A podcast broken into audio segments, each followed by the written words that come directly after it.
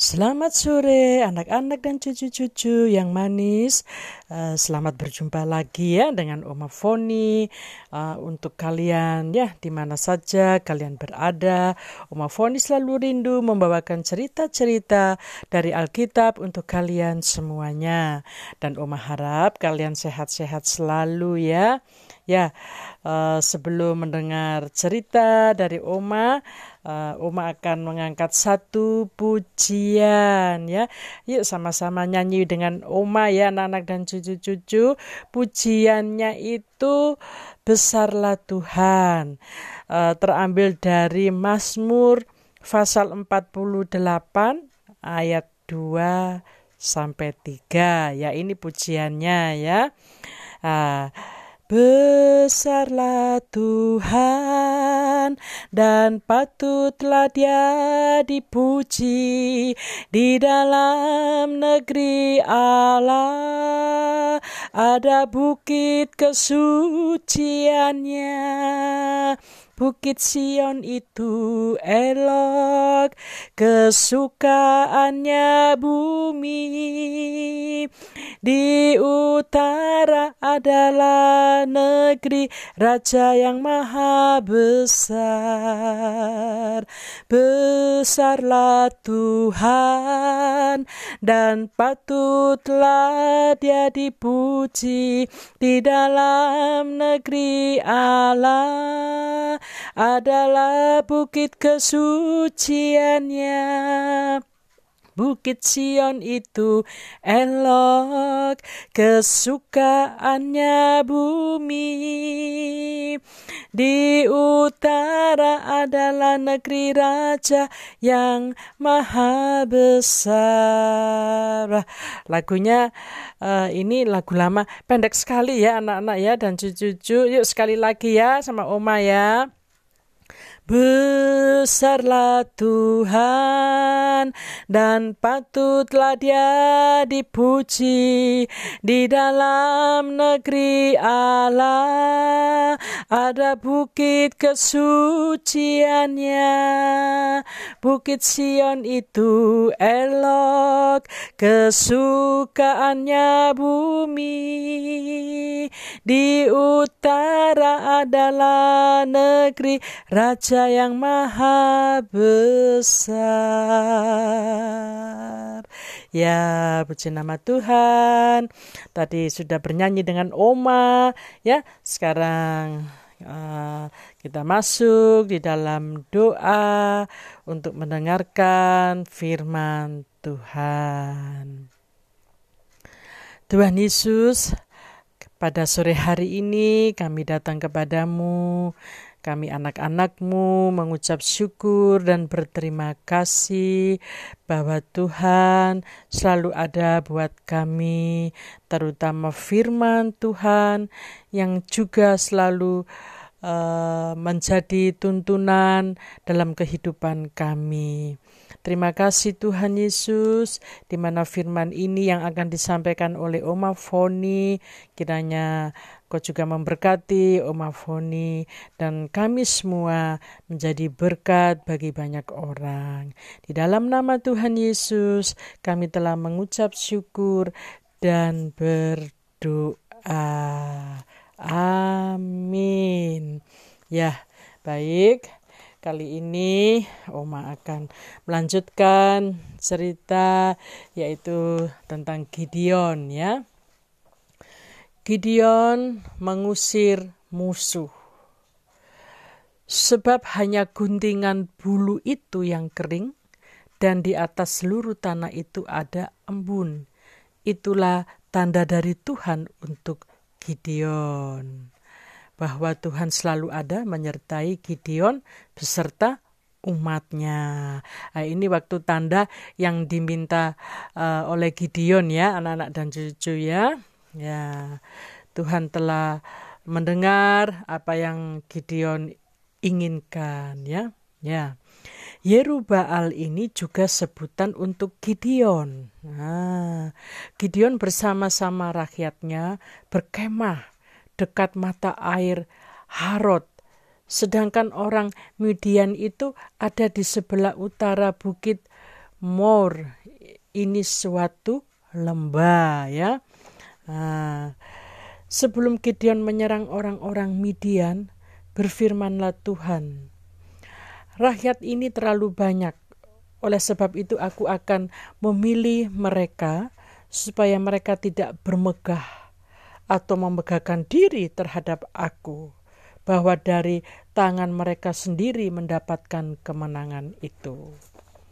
Katakan kepada orang Israel, siapa yang takut dan gentar, biarlah ia pulang dan segera pergi dari pegunungan Gilead.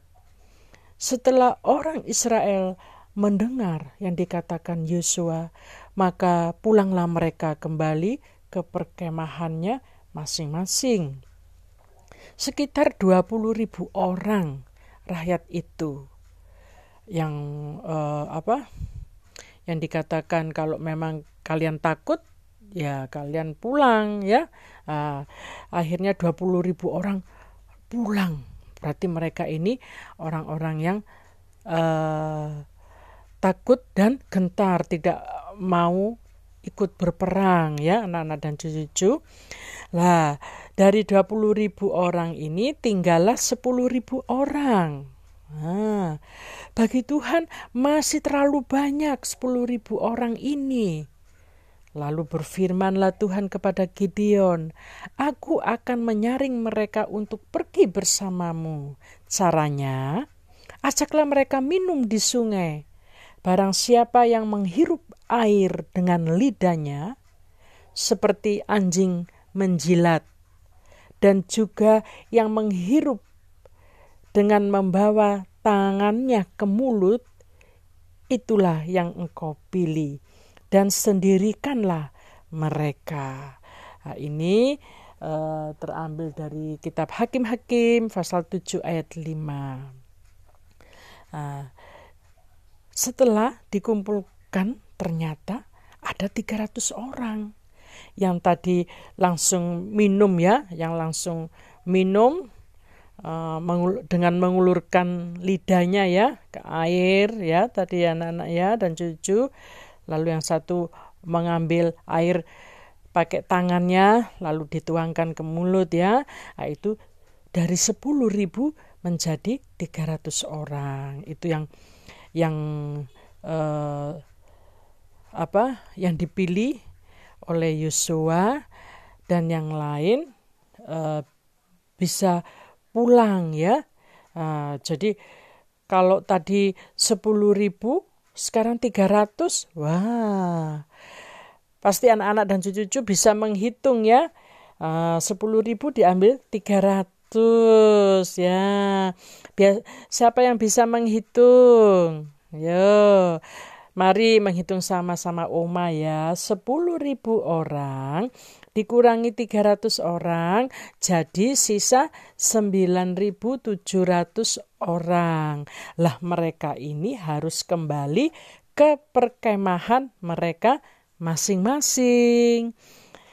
Lalu berfirmanlah Tuhan kepada Gideon, dengan 300 orang yang menghirup itu, akan kuselamatkan beserta dengan engkau, dan aku akan menyerahkan orang Midian ke tanganmu. Maka bersiap-siaplah ke 300 orang ini. Mereka membawa bekal, sangkakala, dan senjata mereka. Pasti ada apa anak-anak dan cucu-cucu? Pasti ada pedang, tombak, dan panah ya. Perlengkapan perang itu ya. Nah, ajaklah bujangmu, yaitu Pura. Nah, jadi bujangnya Gideon ini namanya Pura untuk menemanimu bila engkau turun menyerang ke perkemahan orang Midian. Setelah itu 300 orang atau pasukan ya atau 300 pasukan ini dibagi menjadi tiga bagian. Setiap tangan mereka ada sangkakala dan buyung yang kosong dengan suluh di dalam buyung itu. dan lakukan bila aku melakukan, bila aku meniup sangkakala, maka haruslah kamu meniupnya serta berseru demi Tuhan dan demi Gideon. Nah, ini terambil dari kitab Hakim, Hakim pasal 7 ayat 18 ya. Segera mereka turun dan mendekati perkemahan orang Midian itu. Sesampainya ke ujung perkemahan, waktu itu tepat pasukan orang Midian baru lepas jaga. Tukar giliran jaga.